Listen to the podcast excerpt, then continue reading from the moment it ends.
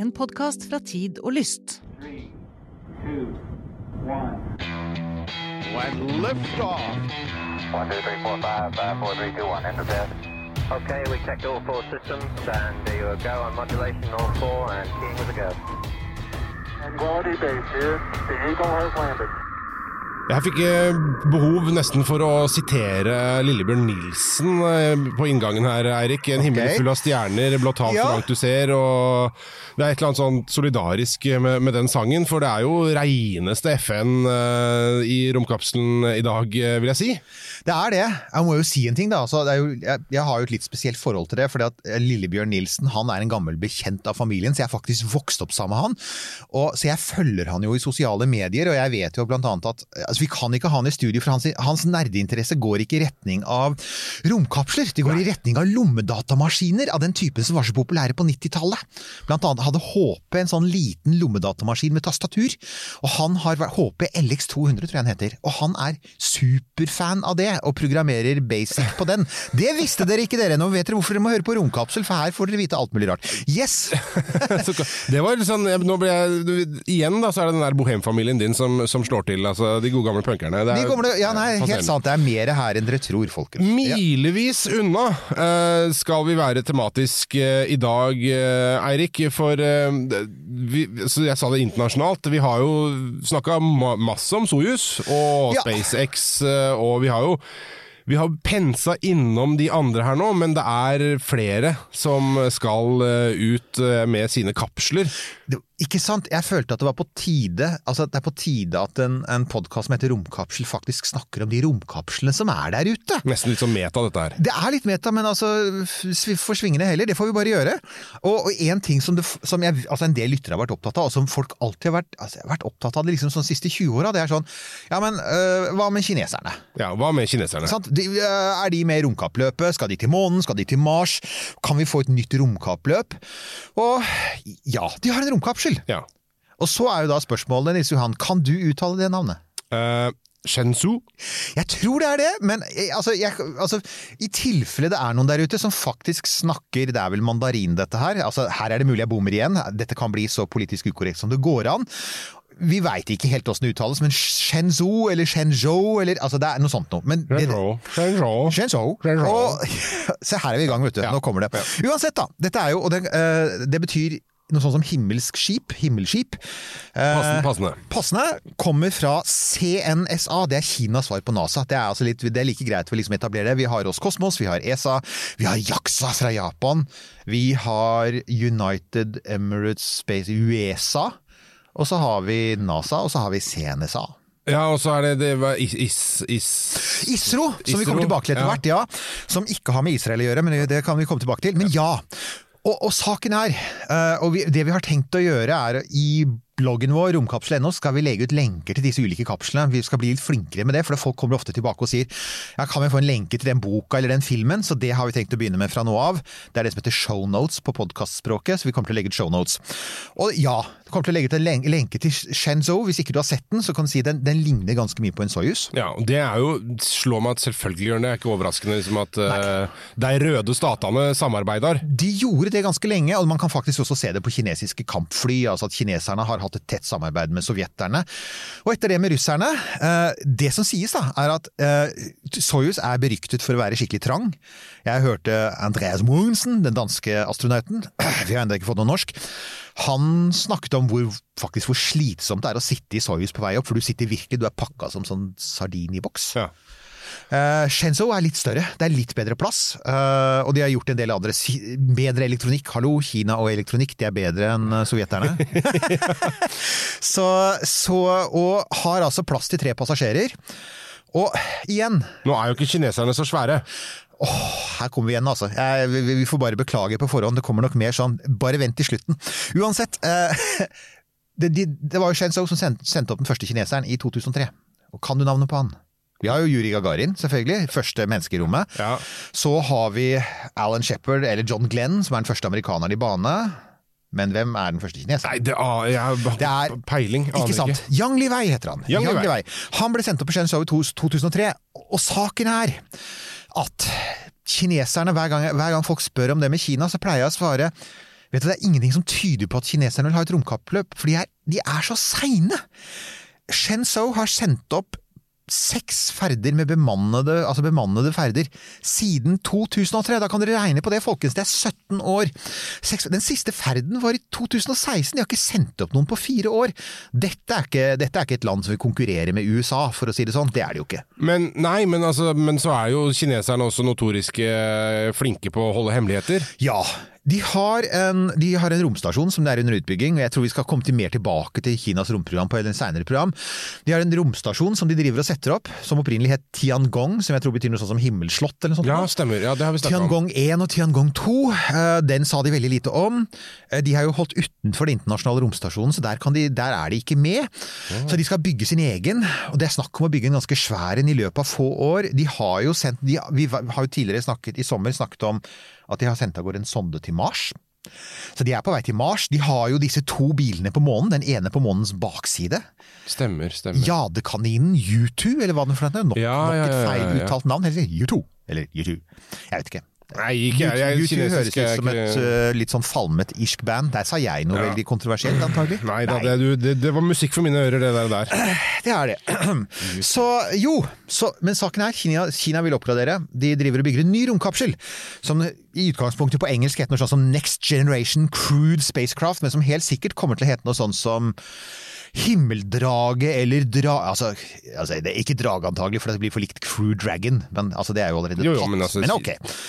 Jo, Kineserne liker å kopiere. Ja, hvorfor ikke? Kanskje. Den ligner faktisk, igjen, vi har lagt ut en lenke til den, eh, den ligner lite grann Nei, ligner ganske mye på en Crew Dragon, faktisk i form. Men nå er jo Crew Dragon er kjegleformet, og Apollo var kjegleformet, og Gemini og, og Mercury, alle var kjegleformet. Alle er enige om at kjegleform funker. Det funker, Ja. det gjør det, ikke sant? Det er bra. Så ja, så de og, og her er saken. I mai, når, vi, når alle drev og snakket om eh, det som skjedde i USA, så gjennomførte jo faktisk kineserne en ubemannet testferd med Next Generation uh, Crude spacecraft. crude spacecraft, NGCS. uh, og den fløy 8000 km opp, og det er ikke, det er ikke insignifikant i denne sammenhengen. for at hvis du bare skal i lav jordbane, så er du sånn 200-400 km oppe, og så kommer du ned igjen. Hvis du er 8000 km oppe, da faller du skikkelig langt før du kommer ned i jordas atmosfære. Det vil si at varmeskjoldet blir skikkelig varmt. Det er det sånn som amerikanerne gjorde på 60-tallet, da de øvde seg på månen. Og det er det som gjør at det er blitt spekulasjoner på at NGCS, eller hva det nå heter, at det kan være at kineserne ikke nå bygger en kopi av, eh, av eh, Soyuz, eller en, en kopi av Crew Dragon som bare kan gå i bane rundt jorda. De bygger en kopi av en romkapsel vi skal tilbake til, som heter Orion. Som er den som skal til månen, som amerikanerne også bygger nå. Ja. En månekapabel kinesisk romkapsel. Og da kan det jo hende, hvis man da skal følge måte, progresjonen til NASA da med SLS og alt det greiene som de skal ha og frakte folk til månen igjen, Mm. så kan det jo hende da at kineserne plutselig kommer og svosj! Det, er, det tar jo litt tid. det gjør NASA. det. Det tar tid med NASA og dette Artemis-programmet, som skal, de skulle ha folk på månen innen eh, 2024. Det er det veldig få som tror nå. Det er jo mange som lurer på. Det kommer jo helt an på hvordan det går med SLS, som du sier, om den kommer opp i tide og alt det der. Så ja, kineserne kan sånn pull a fast one, og det vil jo faktisk være en stor prestisjeseier for dem. Er du gæren? Om de klarer å sende av gårde neste, neste generasjons romskipet sitt, det, det kan ikke bli en, eh, en Shenzhou, for den er ikke bygd for det. Så så det er spennende, og det gjør jo at eh, det, det, det, Men igjen, kineserne gjør sine egne greier. Og de går overraskende langsomt fram til å være et land som har veldig store ambisjoner i rommet, så det er det jeg stusser litt over, da. Som vi vet. Det kan jo hende de holder på med ting som vi ikke kan, vet. det kan hende. Altså igjen, eh, de sendte av gårde en eh, sånn Mars-bil nå, og den veit vi lite om. Og det kom ikke veldig overraskende på de som er i miljøet, men det kom jo overraskende på de fleste andre, fordi de har holdt kortene tett til brystet. Mm. Ikke sant. Jeg vet ikke hva kortene tett til brystet heter på kinesisk, men det finnes Nei. helt sikkert et godt kinesisk uttrykk for det. Garantert som du kan henge på veggen. Ikke sant? I sånn kalligrafi. Og, og, og da er det noen sånne kinesiske tegn som er, egentlig var et bildetegn av to menn som spilte kort for 3000 år siden, som vi alle vet. Ja. Ok, til neste andre romkapsel enn romkapsel. Uh, vi skal til Boeing uh, Starliner. ja. Og da, vi, vi var jo, håper å si, inn, innom det her. Eh, NASA, uh, det store prosjektet. Har, jeg føler liksom at jeg har hørt om den så innmari lenge uten at jeg har hørt noe om den egentlig. Fordi, og det er ikke så rart, egentlig, fordi at den, altså for mange år siden, dette er vel tilbake til, ja det er 2014, at NASA gikk ut og sa vi trenger et romskip etter romferja.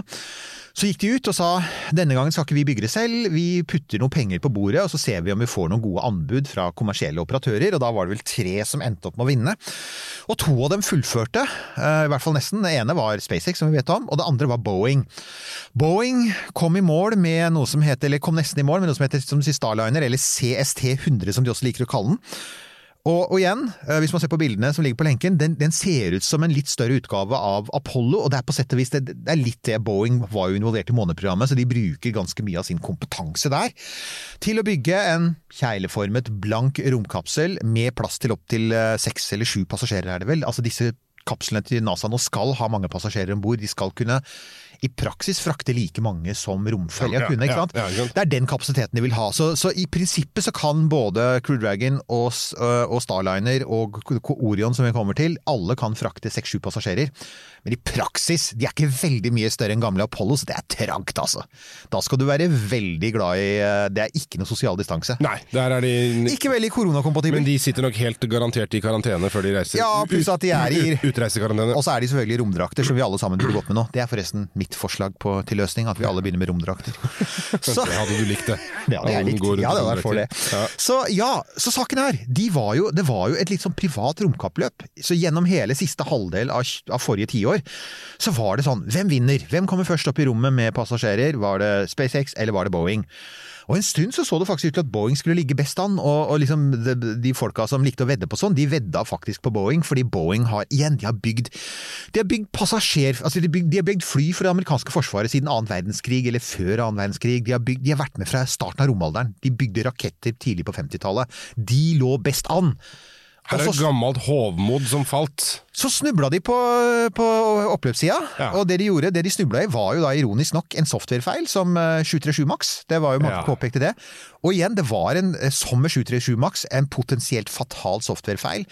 Eh, Det var, først så sa de at det var en timingfeil med at klokka om bord ikke stemte med klokka i raketten, og at ting kutta ut for tidlig, men så viste det at det var mer enn det. Det var en feil som gjorde at de kunne ha tap av mannskap i verste fall. Så den er blitt grounded, eh, og nå, nå må de gjennomføre nye tester, så man regner med at de skal i hvert fall ha én full gjennomførbar automatisk test. Den kan det ta mange måneder før kommer, det kan hende at de er ute i 2021, for løpet er kjørt uansett, de har allerede tapt kappløpet. Så spørsmålet nå er hvor mange kapsler rekker SpaceX å sende opp før Boeing sender opp sin første? Ja, ikke sant? Og det, det, det tenker jeg må være utrolig demotiverende da, når de sitter der og knoter og ikke, ikke får det til. Ja, på den annen side Og så er det sånn, hvor, hvor, hvor lang tid kan det ta å fikse en softwarefeil? Liksom? Helt sant! På den annen side, Boeing fikk nesten dobbelt så mye penger for å bygge Starliner som SpaceX fikk for å bygge Crew Dragon, og de får 3-4 milliarder dollar i året for å bygge SLS, så jeg gråter ikke for Boeing. Nei, det, det, er litt, det er litt jeg kjenner kom igjen. Altså. Ja, ikke sant? Sånn, sånn. Jeg, det, jeg, tenner ingen lys for Boeing her. Skjerp dere, Boeing. Skjerp dere med fly, skjerp dere med romkapsler, fordi Igjen, altså, tida, altså klokka går jo for, for romkapsler. Det, det bygges jo ny type teknologi der ute, så, så vi får jo se hvor lenge vi holder på med romkapsler. Så prøv å få opp noen i hvert fall før romkapsler fases. Det hadde vært litt morsomt. Så er det, og jeg husker du da vi hadde Jan Wørner, Ja. han som ikke er sanger, men er sjef for ESA. Ja, ikke sant? Der skødda jeg litt, for jeg sa jeg forvekslet Starliner med Orion, og da rettet han. Så jeg er blitt rettet på av sjefen for ESA, det har ikke dere. Ja, jeg, jeg, jeg burde ha en sånn Føler du ja, I was, Min neste- I was corrected by I was, I was corrected by Jan Wørner. Men føler, du- føler du at det var et, et, godt øyeblikk for deg, eller var det Ja, litt jeg, vondt? jeg er en mann som liker å innrømme mine feil, som folk som påpeker feil i kommentarfeltet ser. Jeg, så, det, så jeg er jo ekstra glad når det er eh, noen så høyt, høyt på strå. Men ja, han påpekte at det er en forskjell på Starliner og Orion. Det er en feil mange gjør, for at NASA har faktisk tre romkapsler! Og den tredje, den har vi hørt, den har hele tiden vært i bakgrunnen. Og en grunn til at vi har hørt lite om den, det er for det første så har den pågått utrolig lenge. Det er helt tilbake til eh, Altså, røttene er tilbake midt Altså ikke så lenge etter årtusenskiftet. Såpass? Ja, for da hadde USA hadde en plan. Da, USA har hatt mange planer om å gjøre det samme som de gjorde på 60-tallet, med Saturn 5. Stor romkapsel, dra tilbake til månen, dra tilbake til Mars. Og dette var et prosjekt som het Constellation. Og det var en diger rakett størrelse klasse Saturn 5, og en svær romkapsel og et månelandingsfartøy. Og jeg husker jeg satt og, liksom, satt og surfa på nettet på mye langsommere bredbåndlinje tilbake tidlig på 2000-tallet, og ja, hadde litt sånn nerdgasms over disse fantastiske datagenererte filmene av hva Constellation skulle gjøre. Så kommer 2008-krisa, og så kommer USA med dårlig råd, og så kommer Obama og sier dette kommer aldri til å gå, det er altfor forsinka, det blir altfor dyrt, så han kansellerer eh, Constellation. Og så er det egentlig bare altså Arvtakeren til den store raketten er for så vidt SLS, men de gikk, begynte litt på nytt. Men en virkelig arvtaker, det som overlevde, var Orion. Altså kapselen som skulle sitte på toppen og fly til månen, den overlevde. Så Orion-programmet fortsetter. Og Hvor, why? Hvor mange trenger de? Hvor, eller eller la, meg, la meg gjøre eh, det spørsmålet enda syrligere. Hvor mange kanskje-kapsler trenger de? Ja, er det her vi skal si finnes det, det, er sånn, det finnes sånn meme der ute, jeg husker ikke hvilken film det er fra. så, You are so naive. Ikke sant? Det er sånn, den derre. Og det er NASA. NASA som på den ene siden, vi er NASA-helter, du hadde NASA-T-skjorte på her forleden. Akkurat nå har du på en helt annen T-skjorte. Ja. Ja, det, akkurat nå står det faktisk 'Kill the Kardashians' på T-skjorta di. Ja.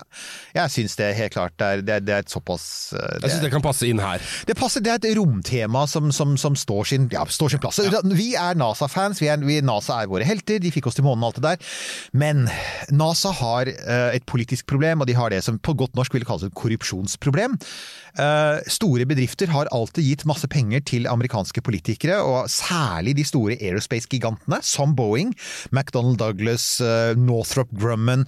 De har alltid gitt masse penger til diverse eh, kongressrepresentanter og senatorer, og sørget for å få presset gjennom kampflyprosjekter, transportflyprosjekter og romprosjekter. Og Orion er et klassisk sånn prosjekt der store selskaper og senatorer har samarbeidet og presset NASA og Det hvite hus til å fortsette å støtte et prosjekt. Det, er liksom den uoffisielle forklaringen. Den offisielle forklaringen er at Starliner og Crew Dragon er ikke bygd for lange romreiser, og derfor trenger man en egen. Så har folk sagt ja, men hvis du spør SpaceX, kan de helt sikkert bygge om Crew Dragon sånn at den kan dra? De hadde jo planer om å sende den til Mars. De kan bygge den om. Men der er ikke, sånn er ikke amerikansk Nei. politikk. Så derfor bruker du heller Her skal det ikke bygges om, det skal være originalt. det skal være originalt, og eh, her, altså Det, det, det alle det, Jeg lurer på om ikke Orion er bygd under det som på amerikansk romspråk kalles for cost plus. Det er når et romselskap, når, når et, en privat bedrift får en diger sekk med penger, som er veldig stor og fet, til å bygge noe, og hvis det skulle bli en kostnads- eller tidsoverskridelse, så kan de bare skrive nye regninger med gaffel.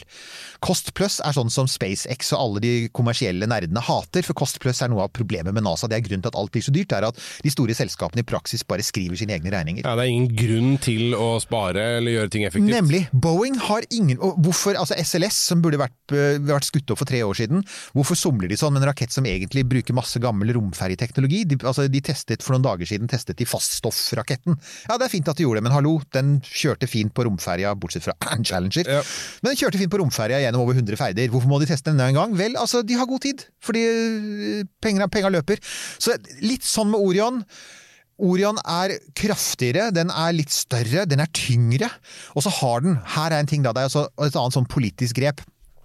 Disse to andre kapslene har ikke noen sånn veldig stor serviceseksjon, sånn som det Apollo hadde. Den der svære baken bak Apollo, eh, klumpen bak Apollo-kapselen som hadde masse instrumenter og oksygen og sånn. Denne har en stor serviceseksjon, og den kommer altså da fra, den kommer fra ESA. Så ESA er jo europeiske romprogrammet. Er For å jo, gjøre byråkratiet enda litt mer innvikla. ja, men samtidig så binder det ESA til måneprogrammet til NASA. Så, Ja. så det vet jo vi. Vi har jo vår eh, gode faste gjest Marianne fra Romsenteret, som jo også nå jobber for ESA. Eh, og hun er også veldig, alltid veldig klar på det at ESA er veldig forpliktet til måneprogrammet til NASA. Og en av grunnene til at de er der, er at de faktisk bygger en sentral komponent da, på Orion-kapselen, som Orion-kapselen ikke klarer seg uten. Noe av problemet da, er at Orion nå er blitt så blytung at det er, altså, du kan ikke sende av gårde til månen med noen vanlig rakett. Du må ha du må ha en avansert utgave av SLS for å få en full måneferd, og den utgaven har de ikke bygd ennå. De, de har bygd basisutgaven. Så ja Dette her virker jo som uh, et prosjekt som strengt tatt, altså rasjonelt sett, burde bare vært kansellert og lagt ned. Ja, jeg tenker det samme, men, men nå, de, NASA sier at de skal sende en tom eh, de skal sende en tom eh, kapsel rundt månen, en tom eh, Orion-kapsel rundt månen i 2021. Vi får se. Gjør de det, skal vi selvfølgelig følge opp det. Det blir jo kult. Ja, da, da, da, vi, vi har ikke sendt en romkapsel rundt månen på sjukt lenge. Det er 1972 var sist en romkapsel var rundt månen. Så det hadde jo vært kult. Det er en sånn eh, Tom Apollo 8-ferd, men vi får se. Så ja, uh, Orion er der, og den blir kanskje noe av. Eller hvis den blir forsinka, så kan det hende at noen andre lander med noe kommersielt. For da kommer vi til de to Altså vi kommer jo til de kommersielle aktørene, og da har vi jo den som vi Ja, fordi um, La meg bare si at det er det som som jeg synes er fascinerende når vi nå sitter og snakker om dette her og på en måte ramser opp alle de forskjellige romkapslene, er jo nettopp alle de forskjellige. At det er såpass mange som ikke eh, sant, Ikke bare er- nasjoner, men selskaper som driver med dette her. Det er det, og det er altså faktisk to andre selskaper som vi må nevne i USA, som er kommet langt i løpet med å, å drive kommersiell romfart. Og, og den ene skal jo også opp i bane, og det er jo altså, Nylig så jeg en sånn rankingliste som sa at Elon Musk takket være aks- aksjestigningen i Tesla nå er verdens sjuende rikeste mann. Ja. Nå tror jeg Tesla nettopp falt masse på børsen, så nå er han kanskje verdens åttende rikeste mann igjen, eller sånt noe. Eh, De fleste veit kanskje hvem den rikeste er, det er jo ikke lenger Bill Gates, det er Jeff Bezos. Ja, er det, det er, ikke, er det ikke han Alibaba-sjefen? Nei, jeg tror faktisk at Bezos fremdeles Eller kanskje han har falt ned. samme Men det. han er en av de tre rikeste. Han var lenge den rikeste. Jeff Bezos har Så skilte han seg, da, så ble han kanskje litt fattigere. Nemlig, det, men- kona hans, ja. kona hans fikk 4 av selskapet, og ble dermed automatisk en av verdens rikeste kvinner. Hun er verdens andre rikeste kvinne. Hun har bare sånn 500 zilliarder kroner. Blue Origin. Blue Origin, som faktisk er et eldre, eh, som, eh, er et eldre romselskap enn SpaceX. Han begynte dette SpaceX her fra 2002. Dette er så gammelt som 1998 eller noe sånt nå. Eh, Jeff Bezos, som jo begynte med bøker og Amazon, liker bøker, hadde sittet med en science fiction-bokforfatter. Jeg tror det var Neil Stevenson. Han sitter med og prater om han vil gjerne ut i rommet, romfart er for dyrt, hvorfor er ikke de kommersielle mer aktive? Og så ser Neil Stevenson og sier ja, men du har jo penga, Jeff. Du, du, du har alltid vært opptatt av romfart. Han skrev sine første romfartsavhandlinger på gymnaset. Ja. Så han begynte å putte penger i det, og har siden brukt eh, 22 år på egentlig ikke å komme noe særlig sted. Dette er, ja Du må ikke si det når jeg drikker, for nå var det like før dataen min ble ganske våt her. Det er en grunn til at logoen til Blue Origin eh, er det er en skilpadde, og så under så står det gradatum ferocitas, eller sånt, som betyr langsomt, men med villskap. Altså han skynder seg langsomt. Ja. Eh, han har mye person, han er sikkert vill, eh, men de skynder seg langsomt. De har en rakett som heter New Shepherd. Oppkalt etter Alan Shepherd, den første amerikaneren i rommet. Ja. Og Men- de, ja. Men jeg bare, sorry, eh, men jeg mener å ha sett uh, denne kapselen. ja. En sånn, den er ganske sfæreforma, Den er det er, ikke det? ja, det er, det litt, sånn, litt sånn halvveis, Ja. litt keilig, litt svære. Altså har den veldig svære vinduer. Ja, ok. Og de har faktisk sendt den opp flere ganger, og saken er Saken er at de skal opp til altså, det, Dette er det som heter en suborbital rakett. Den, den heter New Shepherd. Den, den, den kan ta og lande, akkurat som en førstetrinnet på, på, på Falcon 9 til SpaceX. Men den kan bare gjøre et lite hopp i rommet. Den kan fly opp til 6000 km i timen, og for å komme opp i rommet så trenger du 27 000 km i timen. Så den kan, den kan skyve seks passasjerer opp i 100 km over bakken. Da blir de offisielt astronauter. Og så kan de være vektløse i noen minutter, og så lander de under fallskjerm på bakken omtrent fra det stedet de tok opp fra. Altså de flyr ikke rundt jorda. Ja. De får veldig fine utsikter i noen minutter, og de er vektløse, og kan, da kan halvparten av dem kaste opp. Som Egentlig de useless Uh... Altså det er romturisme. Ja. Han har snakket i årevis om at han skal bygge en ny stor kjemperakett som heter New Glenn, og, han, og det er ingen tvil om at noe skjer, fordi at han har kjøpt et kjempesvært Han har kjøpt et sånn gammel Mersk eh, bil-cargoskip som han har bygd om til en landingsplattform Ja, til sjøs.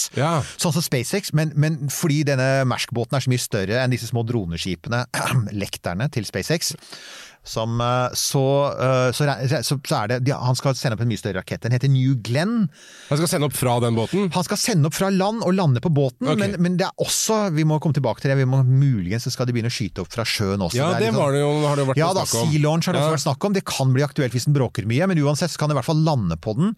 Han, han har kjøpt opp en god del av området rundt Cape Canaveral, så både SpaceX og eh, Blue Origin eier nå deler, eller eller leaser deler av NASAs gamle område. Han også kjøpt opp noen sånne, gamle Apollo-områder og oppskytingsplattformer, og bygger svære monteringshaller. De har bygd motoren, har de allerede bygd, så den er klar. Så alle sier at eh, det, de, de, de har sagt er at i løpet av 2021 så skal New Glenn stå på plattformen, og da er de i bane.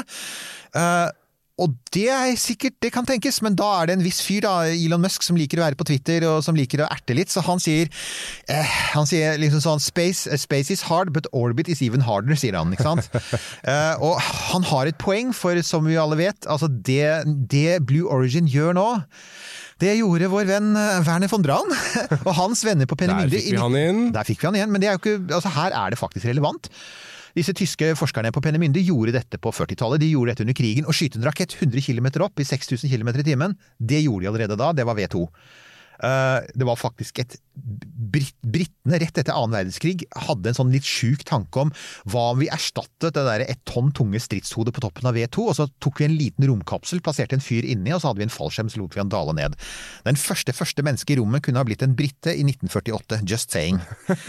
Rule Britannia. ja, jeg- ja, det var gøy. Det er her jeg trekker fram mitt britiske pass. Ja, Ja. Neste skal vi til nå. Det her eh, føler jeg at de har havna så innmari i bakleksa. Ja! Jeg, jeg så For dette virka jo veldig lovende. Veldig. Uh, og eh, ja, var det han som hadde han Bert Buran eller Bert Rutan, ja. Rutan, ja. Han med de svære uh, kinnskjegga. Eh, som var liksom en sånn eh, ordentlig sånn Reodor Felgen-fyr. Og så lagde de jo dette her eh, skipet som de droppa fra et fly.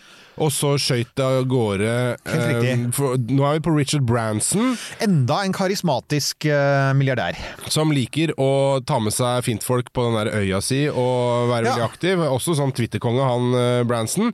Eh, Virgin Galactic eh, de, Var det Spaceship One? Var det Det var Spaceship One. Det var jo som du sier Bert Rutan Scale Composites heter Ja, selskapet. stemmer. Og så bygde de verdens største fly, eh, eller verdens, i hvert fall verdens største vingespenn, Ja. eh, White Knight, som, som skal drive og skyte opp. Du har helt rett. Dette er gammelt, altså. Dette, Ja, for- er, dette er 20 år gammelt. Men, men de, har, har ikke de gitt opp? Driver ikke de nå Skulle de lage noen sånn ny versjon av Concorde? Jo, sånn? det også. Det er det som er greia. Så, så for øyeblikket så er det sånn. De bygde Spaceship One, og så Spaceship Two, så hadde de en dødsulykke med et krasj. Det var jo, de mistet jo en pilot under en prøveflygning. Det stoppet utviklingen i flere år. Så fikk, er det helt tydelig at uh, Richard Branson fikk litt kalde føtter, fordi at han har jo drevet et flyselskap og plateselskap og togselskap og alt mulig som heter Virgin. Ja. Uh, og han har da uh, oppdaget plutselig at det er Veldig vekstbransjer nå om dagen. eh. ja, veldig vekstbransje, ikke sant? Ja, nemlig. Ja, for sikkerhets skyld, ikke sant? Men han oppdaget vel da at eh, det er langt færre ulykker i flybransjen, og mye triveligere å drive med fly og sende folk til, på ferieturer enn å sende folk opp i rommet hvor de faktisk dør. Ja. Igjen, space is hard, people. Eh, men de har et selskap som heter VSS Unity, eller et skip som heter VSS Unity. De har bygd en spaceport ute i ørkenen i det vestlige USA. Så det er litt usikkert akkurat nå. Jeg tipper De har også snakket om at de skal begynne å bruke her, det svære flyet til å skyte opp eh, satellitter i lav jordbane for å komme seg inn i smallsat-markedet, og det har jo vi allerede snakket om med vår venn Roger Birkeland noen, for noen sendinger siden, så det kan dere også høre på der. Uh, så det er litt sånn rotete akkurat nå. Uh, jeg tipper at uh, Min spådom er at de kommer til å oppdage at eh, de, altså Jeg kan ikke skjønne at det er, når det kommer til stykket, at det er så mye marked for Så dette. de her, har egentlig ikke noe De har ikke noen kapsel. de har ingen kapsel! Hvorfor snakker vi om det da, Erik? Dette er en feil. Ja, Men nå ble jeg korrigert av Nils Johan, og ikke av eh, Jan Wørner, og jeg kjenner at det ikke er helt det samme. Nei, Da går vi veldig fort videre til det neste, Ja. og dette er en godbit, for den er det veldig mange som ikke har hørt om. Kan, kan du uttale det? Nei, nå kommer vi til å fornærme uh, verdens Er de verdens største land? De er raskt på vei, til å bli det-. Da veit vi kanskje folk hvilket land vi snakker om. Ga, Gaganian?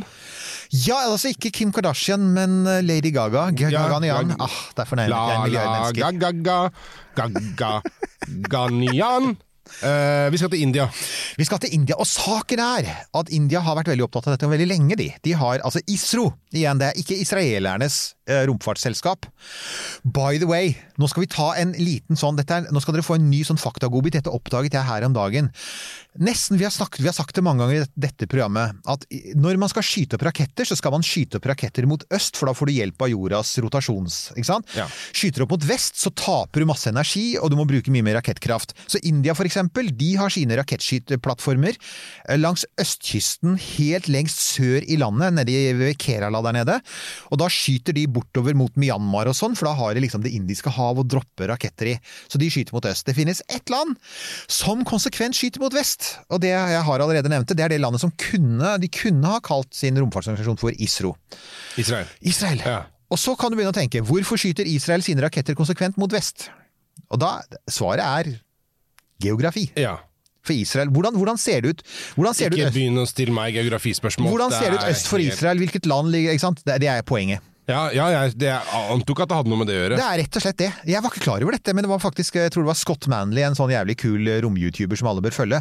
Han hadde en egen sending hvor han forteller om alt det For israelerne kan jo ikke skyte over arabiske stater. Nei, nei. En ting er at deres rakettdeler ville falle ned i sånn type Jordan og Iran, og så ville iranerne plukke det fra hverandre. Det andre er selvfølgelig at det ville se ut som et rakettangrep. Det er akkurat det er dårlig stemning med raketter. Så israelerne skyter konsekvent selvfølgelig over Middelhavet. Ja. Men det er vestover, sånn at deres rakettdeler faller ned liksom forbi Malta og utenfor uh, Gibraltar-stredet og sånn.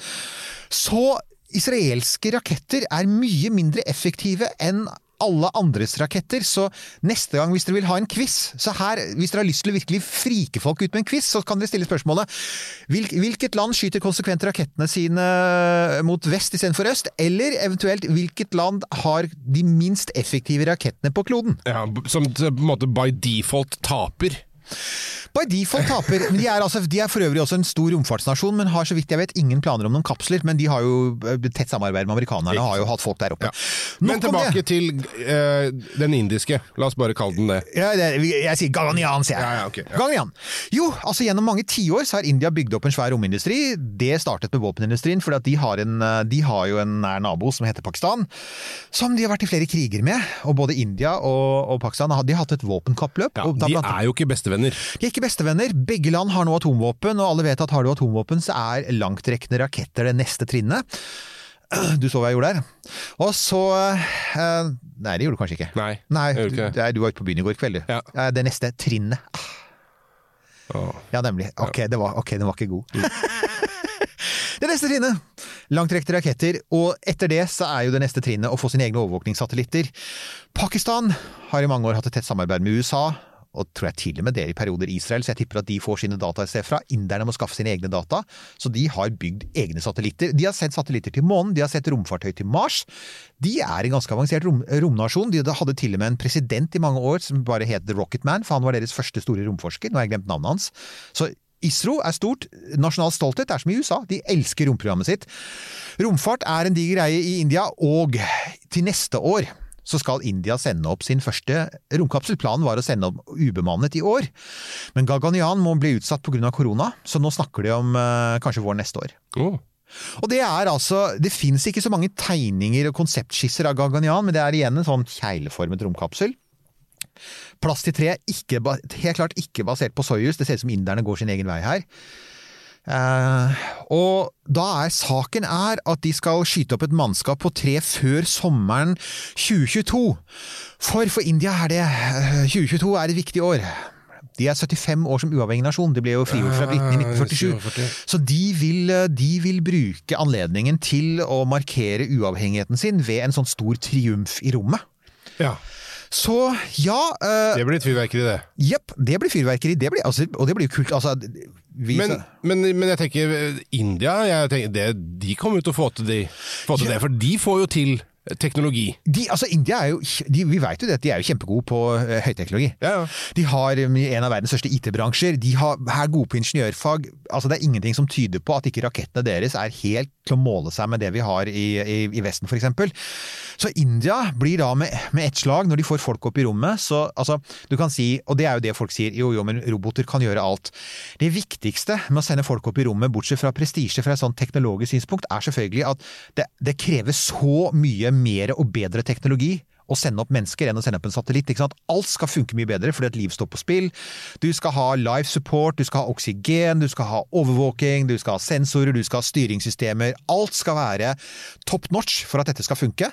Eh, og det gjør at, at, at bemannet romfart er liksom sånn the next level. Så å, å komme dit, og at inderne helt seriøst nå sier at de egentlig har en romkapsel som kunne vært sendt opp i desember, men som utsettes pga. korona, forteller meg at at nå er inderne en seriøs aktør i rombransjen, fra nå av må vi regne med dem. Ja.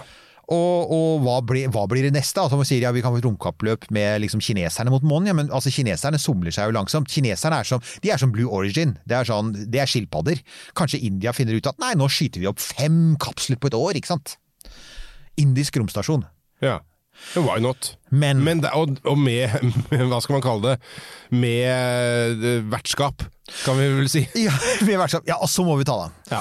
Altså Gaganian, som da på sanskrit betyr eh, Det gamle indiske språket betyr himmelskip, så der er vi tilbake til Shenzhou. Ja. Igjen, sikkert feil uttalt. Eh, Inderne har funnet ut, og det kan jo, nå slår det meg plutselig, det kan jo ha med å gjøre med at halvparten av den indiske befolkningen er vegetarianere av religiøse grunner. Jeg har jo vært i India og vært i indiske butikker, og der er liksom alle produkter har henholdsvis røde og grønne prikker. Ok. En grønn prikk er et vegetarisk basert produkt, en rød prikk inneholder kjøtt av noe slag.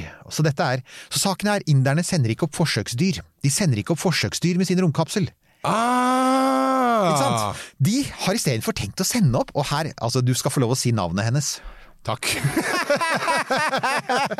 Eh, jeg så, det, det første jeg så, bare Vomit. Ja, Men- første gang Vio... Vio... Viomitra. Viomitra! Viomitra. Sanskrit for romvenn. Romvenn. Det er Det så er så deilig. Eller venninne, må vi si. For det, altså, her er saken. Inderne har ikke bare laget altså, Det er ikke første gang man har sendt opp Ah, NASA har bygd en robot i rommet. Russerne brukte sånn crash test dolls allerede på 60-tallet med sensorer på. Så det er ikke første gang man har bygd en slags, men det er første gang at man har tatt det så langt. For Viomitra hun er blitt eh, rikskjendis i India, og hvis man da googler Viomitra Vi skal selvfølgelig lenke, legge ut igjen noen lenker i shownotene våre til indiske aviser. Altså, jeg er helt sikker på, Hvis det er noen der ute som hadde hørt om Viomitra før Nils Johan forsøkte å uttale det, så skal dere gjerne få legge inn en kommentar og si vi, hørte, vi har hørt det, men jeg, jeg tipper at nesten ingen har hørt det. Vi hadde ikke. Vi, men, men bare sånn, skal vi bare eh, ta Hør nå, Hør nå. så kan du høre eh, eh, Ja, dama. The prototype of the half-humanoid being made for the first unmanned Gaganyaan mission. I can monitor crew module parameters, alert you, and perform life support operations. I can mimic all crew activities like switch panel operations, ECLSS functions, etc. I can also be your companion, can converse with the astronauts, recognize them, and can also respond to their queries. Og, og, og hun, og vi, altså, dere må se på bildene av henne også på shownotene. Eh, Hun, hun, altså, hun ser jo ut som en indisk dame. Det er én ting, da. Hun er kappet av ved livet. Hun er en, ha, en halv humanoid, kaller de henne. Hva er, hva er poenget med det? Det Hvorfor jeg- skal man ha dette her? Det er rett og slett fordi at man, man vil ha noe som har menneskestørrelse, sånn at du liksom kan teste noe som sitter i en romkapsel. Hun skal kunne ha på seg romdrakt. Det, det vet vi også at SpaceX gjorde med sin første romdrakt. At de sendte opp i Teslaen, i romteslaen, så Ja. satt jo en dukke i romdrakten. Det vil si, ryktene vil jo ha det til at det ikke er en dukke, men en, at det kan være noen Elon Musk ville blitt kvitt. Ja, det var det jeg tenkte. Ah, I expect you to die, Mr. Bond. Ja, det er det perfekte mord er jo å sende Om ti millioner år så oppdager man at oi, det var jo faktisk et menneske der. Men uansett, de skal da sende en dukke med sensorer. Eh, og, og, og de dataene og, de sensorene da, altså de, de sensorene kan da settes på liksom riktige steder. Da kan du sette en, Det er som en crash-test-dukke, da. Jo, men, hard, men jeg tenker det at, det at den er en sånn eh, de- delvis sånn AI og kan snakke med deg Ja. og sånne ting, det er bare for show. Jeg tror det er mest det, og når du hører stemmen, så høres ja, altså, det, det, Jeg vet ikke hvordan det er med deg, men jeg har fått ganske mange telefoner. Sir, you have a problem with your Windows PC. Ja, det er, det er veldig sånn support-line her. Jeg pleier alltid å si at I run Ubuntu Linux, eller noe sånt, du pleier å si da. Så, så, så blir det veldig stille i den andre enden av telefonen. Eller, eller, eller så prøver jeg å snakke med gammelmannsstemme. Si I am very old. What is this PC you think you're talking about? My VC, you say? My VC. Så ja, eh, vi kommer selvfølgelig tilbake til det. Vi og Mitra og hele greia. Vi må, vi må jo finne ut åssen det går med henne. Ja, ja. Om hun overlever, eller om vi og Mitra får en, eh, som veldig mange sånne testdukker får, en brutal død i flammer. Det får vi se. Jeg har, jeg har eh, stor tiltro til at inderne klarer å fikse dette her relativt greit. Jeg tror det òg, altså med tanke på hvor mye indisk teknologi vi kjører i det daglige som faktisk funker, på tross av alle telefonene vi får derfra, så tenker jeg det. Helt til slutt må vi bare nevne. Ja, Det er liksom de skumle landene, på en måte. Som, Ja. De har jo raketter, Nemlig men, ha, men setter de noe annet på toppen av rakettene enn ting som sier bang? Det er akkurat det. Altså, For noen år siden så var in, uh, Irans uh, ganske ekstreme leder Ahmed Ahmedinejad, eller hva han heter for noe, Ahmedinejad, som var Jeg er så stolt over at jeg klarte å si det første gangen. Bra, Men igjen, bra. hvis det er noen der ute som snakker persisk, tror jeg det heter. Så sier de sikkert kan dere gjerne er, Vi har sagt så mye feil i denne sendingen Ja. allerede, så det er liksom dette løpet er kjørt. Men han var i hvert fall ute og sa vi har en rakett som kan knuse Israel, det sier han alltid. Vi har en rakett som kan knuse den store Satan, det sier han alltid. De har prøvd å sende opp satellitter uten helt å lykkes. De har hatt et litt sånn halvveis vellykka romprogram. Det er grunnen til at man snakker faktisk egentlig mer om atomprogrammet til Iran enn om romprogrammet deres, for det har tydeligvis hatt mer suksess. Så saken er, de har også snakket om, han sa vi skal også sende opp folk. Det skal sendes opp eh, gode medlemmer av revolusjonsgarden. Skal opp i rommet og se ned på oss og forbanne alle oss som ikke er enige med ham, for å si det Ja, sånn. ja. Det- og ikke minst den store Satan. Å henge over den store Satan og slenge slagord ned Ja. hadde vært en greie. Ja. Ja, jeg vil jo, det er jo, sant, De er jo opptatt av å vise muskler. De er det. At det er jo Ja, ja. ultimate fleksen er jo det. Ikke sant? Og, og, og igjen, dette er jo altså, det er et klassisk eksempel på at det er et spill. Nord-Korea har selvfølgelig også meldt seg på det. De, de har, vi vet at de har raketter som kan fly høyt opp, fordi uh, noen av de ballistiske stridsrakettene deres har fløyet flere tusen kilometer opp, så vi vet at det skjer. Disse her skumle hendelsene som før de liksom bestemte seg for å roe ned litt. Eh, Etter at det ble så mye fred takket være han store fredsfyrsten de har i USA nå. Så, så, men, men de snakker fremdeles om det av og til, og, og, og, så det har vært nevnt. Jeg hører det, og jeg tenker dette høres for meg ut som Zambias Mars-program, for det har du vel hørt om? Hæ? På 60-tallet, eller var det på 70-tallet, Zambia, det afrikanske landet, Ja. der var det faktisk en fyr, og dette må vi komme tilbake til, men jeg skal legge ut en lenke i shownotene, som ja, Det var sånn halvveis kunstprosjekt, men også liksom halvveis seriøst.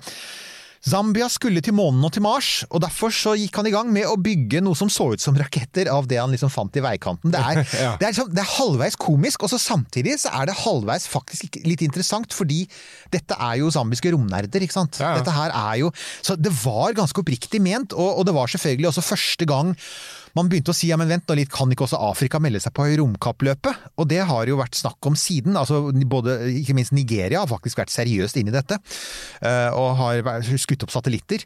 Eh, Så ja, eh, men for meg så høres det ut som det zambiske romprogrammet. så Der fikk du den karamellen, kjære lytter. der fikk du den karamellen. Men da har vi tatt en liten, så et lite sveip gjennom romkapslene som er der ute, så da får vi bare minne igjen om at Romkapsel.no fremdeles finnes, og Romkapsel finnes på Twitter og på Facebook. Stikk innom og si gjerne igjen, si gjerne fra hva alt vi sa feil i denne sendingen. Gjør det. Uh, Dere er i og- godt selskap. Dere er i selskap med Jan Wørner og Nils Johan Halvorsen. Just saying. Det er, det er hyggelig. Et fint sted å være. Eh, takk for at du hører på, eh, kjære deg. Eh, veldig hyggelig. Og kjøp gjerne en T-skjorte hvis du vil ha det. Støtt oss gjerne på Vips, og hva var det navnet var på Vips igjen, da? Det var vel romkapsel, da? Det var vel det. Det var i hvert fall ikke Gaganian.